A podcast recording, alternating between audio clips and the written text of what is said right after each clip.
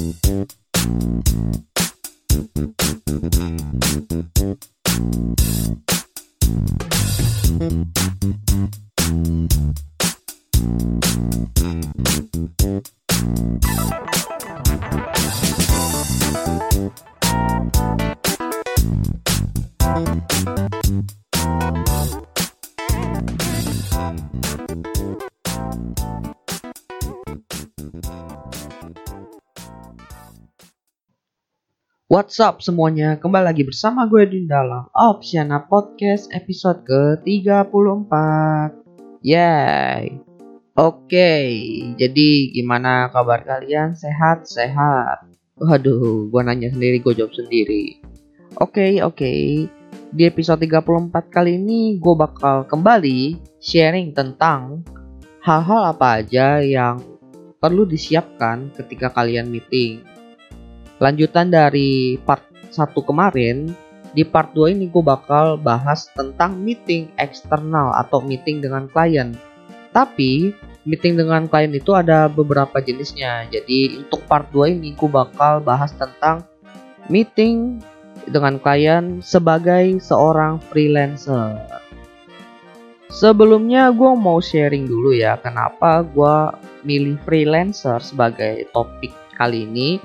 Karena ini agak relate sama kehidupan gue sebelum gue kerja di kantor gue yang sekarang.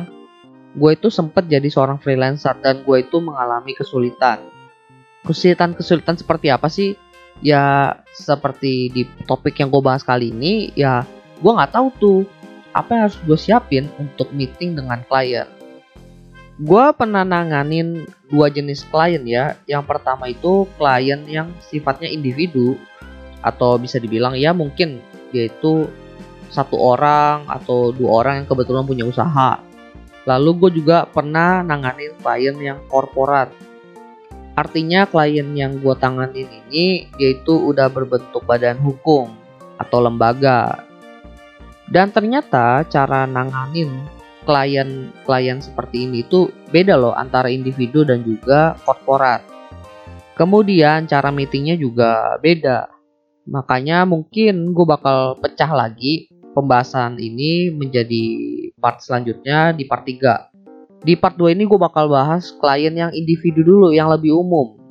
Karena klien individu ini lebih mudah ditemukan dan memang orang-orang yang sifatnya bukan lembaga resmi gitu, mereka masih pengen lah atau lebih punya keinginan untuk menggunakan tenaga freelancer ketimbang yang korporat.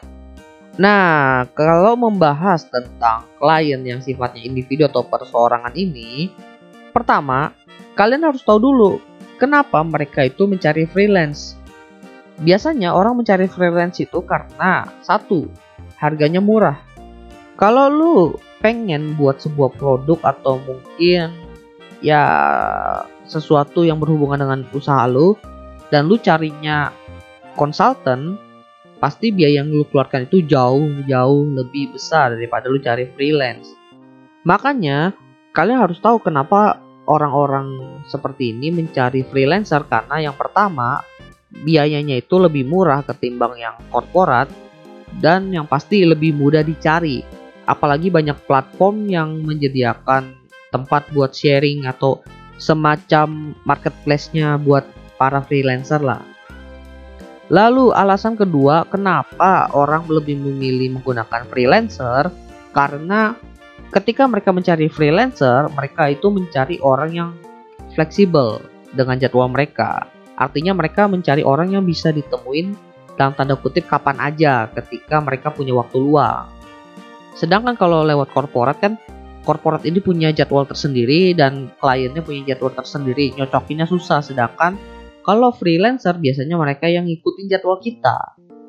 Selain soal waktu buat ketemuan, biasanya freelancer itu lebih mudah juga buat diajak ketemuan di tempat yang lebih umum gitu, lebih publik. Mungkin bisa di cafe, bisa di restoran.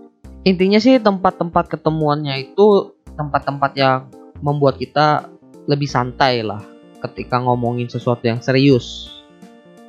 Nah, melihat kondisi dari dunia kerja saat ini ya, gue melihat bahwa freelancer itu bisa menjadi salah satu pilihan kita kalau kita itu mau punya sebuah pekerjaan yang menjanjikan. Terlebih buat anak-anak muda itu yang pengen punya sebuah pekerjaan yang fleksibel di mana mereka itu bisa kerja sesuka mereka kapan aja tapi mereka juga bebas nggak ada terikat dengan perusahaan. Atau mungkin anak-anak muda yang masih belum yakin nih buat kerja di sebuah perusahaan yang besar atau buat startup mereka itu coba cari pengalaman dulu gitu. Cuma memang kalau lu milih jadi freelance yang paling susah adalah starting pointnya. Biasanya ya mereka itu mulai dengan membuat portofolio, kemudian ditawarin atau mungkin ditaruh di marketplace-nya freelancer. Dan yang kedua, mereka itu kebetulan punya kenalan yang lagi punya project, di mana project tersebut skill yang dibutuhkan itu adalah skill kita, makanya kita ditawarin. Kalau gue sendiri, kebetulan starting point gue adalah yang kedua, jadi gue ditawarin sama kenalan gue, tepatnya itu teman SMA gue dia kan mau skripsi tuh gue ditawarin bikin dong gini gini gini lalu tempat magang gue yang kemarin ada project gue ditawarin juga. Ya kayak gitu gitu aja. Balik ke topik utamanya hal pertama yang harus kalian ketahui sebelum meeting dengan klien sebagai freelancer adalah kalian harus tahu bahwa kalian itu meeting nggak cuma sekali. Kalian akan beberapa kali ketemu dengan klien kalian. Makanya kalian harus memberikan impresi yang bagus di meeting pertama sehingga kalau meeting-meeting selanjutnya itu mereka ada etiket yang baik karena mereka itu memandang lu sebagai seorang yang profesional, seorang yang bisa diandalkan. Lalu hal kedua yang harus kalian ketahui adalah meeting itu bukan cuma soal ketemu fisik. Karena sekarang teknologi udah canggih, meeting itu bisa dengan teknologi, bisa lewat Skype, bisa lewat Line, bisa lewat TeamViewer, banyak tools yang bisa kalian gunakan buat meeting secara tidak langsung dengan klien kalian. Oleh karena itu, hal yang paling penting di sini adalah kalian harus membuat impresi yang bagus terhadap klien kalian di meeting pertama. Karena di situlah dia akan menentukan apakah gua mau pakai jasa lu atau enggak. Ya ini hal-hal basic lah yang harus kalian ketahui dan tentunya pasti kalian tahu kalau orangnya pas ketemu ternyata asik kalian pasti bakal lanjut tapi kalau nggak asik ya udah cari yang lain sekarang masuk ke menu utamanya yang harus kalian siapkan ketika meeting pertama kali dengan klien adalah satu usahakan meeting yang kalian lakukan pertama kali adalah meeting secara tatap muka maksudnya tatap muka di sini adalah agar kalian itu bisa tahu lah klien kalian itu mukanya seperti apa, klien itu tahu muka kalian seperti apa. Tatap muka itu bisa lewat ketemu langsung atau bisa lewat uh, video call. Dengan lu tahu ya muka klien lu seperti apa, lu bisa tahu pas lu ngobrol ekspresi yang dia keluarkan itu lebih banyak ke mana. Apakah dia orangnya yang jutek-jutek atau dia itu orangnya yang suka bercanda di saat inilah juga klien itu akan menilai lu apakah lu itu bisa dipercaya atau enggak dari wajah lu. Ya mungkin agak enggak fair sih, cuma you know karena ketika klien lu itu adalah orang yang enggak lu kenal atau mungkin kenalan dari kerabat lu, meskipun itu kenalan dari kerabat lu kan dia langsung berhadapan dengan lu nih, dia nggak kenal lu. Satu hal yang pasti dia lihat itu pertama adalah fisik lu, makanya berpakaianlah serapi mungkin kalau lu ketemu dia atau mungkin rambut lu dirapiin muka lu jangan kelihatan orang kayak baru bangun tidur. Intinya buatlah klien lu yakin bahwa lu itu udah siap buat meeting setelah lu udah tampil dengan fisik yang menarik yang keren atau mungkin yang rapi gitu klien lu kan pasti willing buat meeting sama lu pengen ngobrol sama lu nah di sinilah masuk yang cukup krusial adalah bagaimana cara lu membawa suasana agar asik ngobrol dengan klien lu. Yang pasti satu, santai aja ketemu dengan klien lu. Gak usah yang dibawa tegang meskipun itu pertama kalinya lu meeting buat freelance. Jangan tunjukkan keraguan buat ngambil project ini karena klien lu bakal ragu juga nih mau pakai jasa lu apa enggak.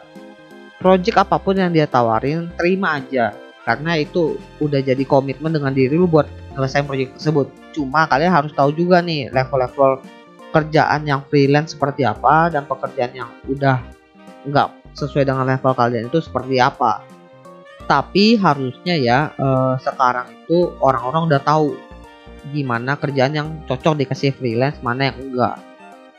Next, sebelum meeting, riset dulu berapa nominal project yang akan kalian kerjakan.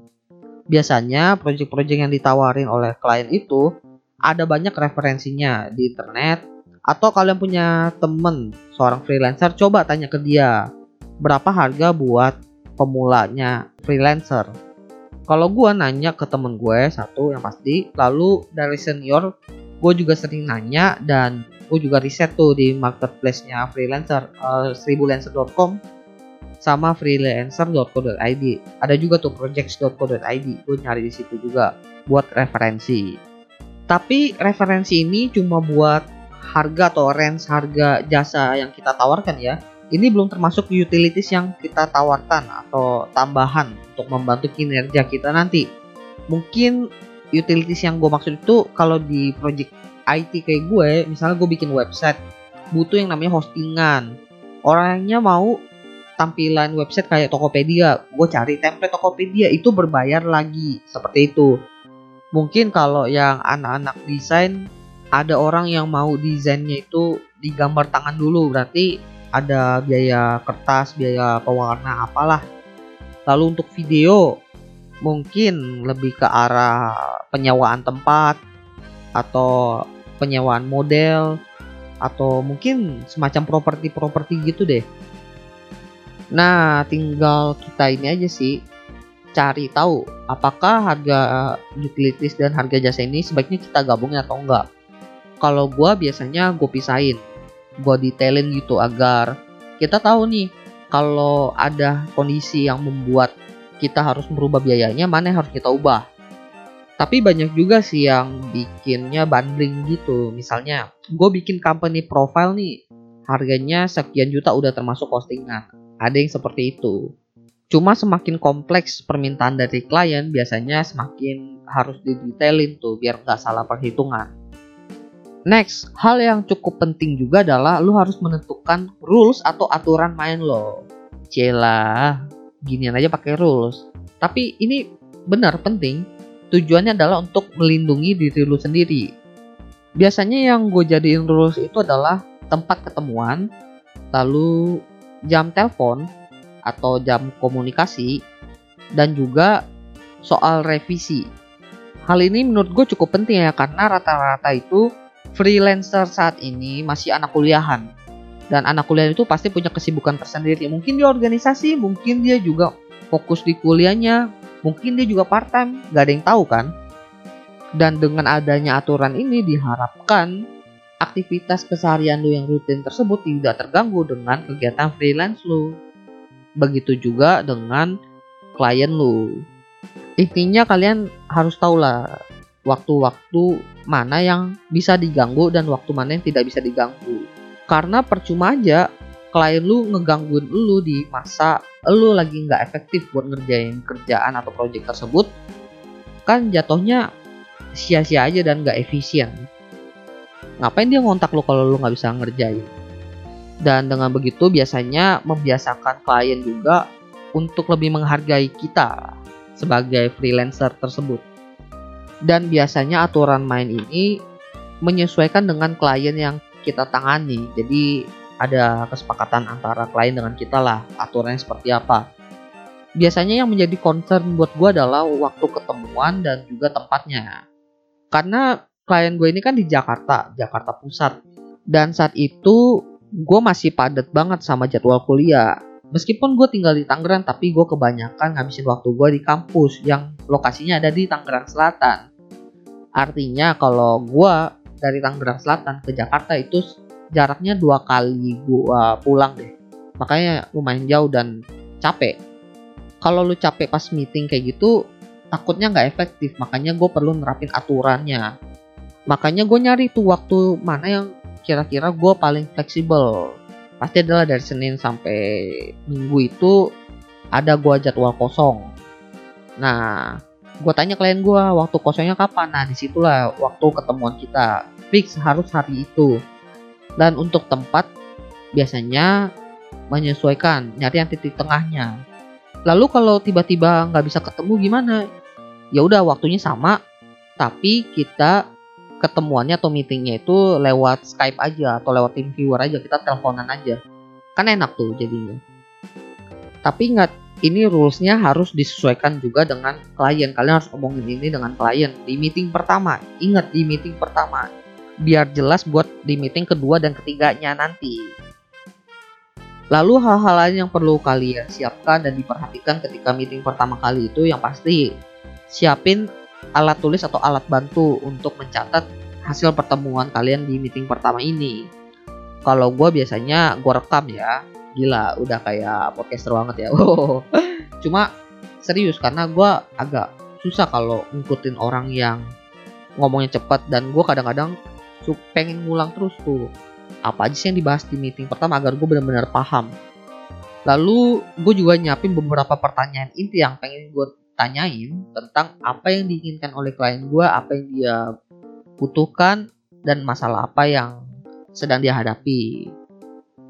Lalu gue juga nyiapin duit atau uang secukupnya. Jangan berharap kalian dibayarin lah sama klien kalian. Karena itu bukan kewajiban buat mereka juga buat ngebayarin lu. Dan juga siapin portofolio. Nah, buat yang masih atau baru mulai jadi freelancer akan kesulitan nih soal portofolio. Banyak yang bilang, tapi kan gue belum punya pengalaman nanganin project gimana portofolionya. Men, portofolio itu adalah sesuatu yang lu tunjukin, bukan pengalaman lu. Buat aja portofolio tersebut, buat sebagus mungkin sehingga bisa meyakinkan klien lu. Kalian harus bisa bedain portofolio dan CV ya. Portofolio itu sesuatu atau hasil kerja kalian, sedangkan CV itu pengalaman kalian. Jadi nggak usah takut lah kalau misalnya kalian belum punya pengalaman kerja. Yang penting buat portofolionya. Dan inti dari meeting klien pertama kali itu adalah kalian ngobrol aja santai, kulik masalah yang dialami, jangan potong pasti lagi ngomong. Itu yang paling penting. Pas dia lagi diem, nah itu kalian kasih sugestinya. Misalnya suggestion kalian apa? Kalau ada masalahnya seperti ini, kenapa nggak coba begini aja, kayak gini? lalu dengerin lagi tanggapan dia yang penting ada komunikasi yang baik dengan klien itu adalah hal yang harus kalian pertahankan tapi kalau gue orangnya pemalu gimana? Tenang aja gue itu juga orangnya pemalu.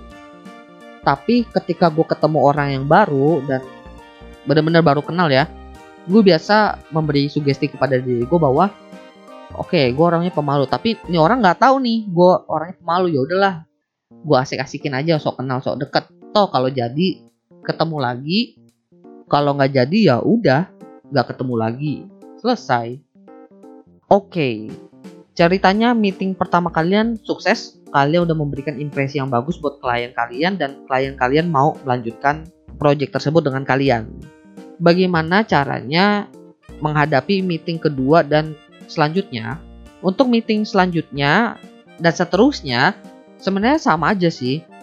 Ada beberapa hal yang harus ditekankan di sini. Yang pertama yang pasti adalah updatean yang udah kalian kerjakan atau updatean terbaru dan masalah-masalah yang kalian hadapi. Tujuannya apa? Tujuannya agar klien kalian tahu bahwa kalian tuh beneran ngerjain, ada progresnya. Lalu yang kedua, kalian siapin tuh hasil review pertemuan kemarin. Tujuannya apa? Biar dia yakin bahwa oh berarti minggu kemarin itu pertemuannya efektif ada yang didapatkan dan ada yang harus diubah lalu coba tanya aja ada feedback feedback baru nggak buat project ini dari klien lo juga tanyain aja mungkin ada kendala lain nggak sih dari hasil project yang telah kalian kerjakan itu biasanya klien itu nggak langsung cocok nih pas kalian langsung bikin di awal setelah beberapa kali revisi, biasanya klien baru cocok. Seperti itu. Lalu sisa-sisanya seperti di meeting pertama, kalian siapin alat tulis atau alat bantu buat mencatat hasil pertemuan.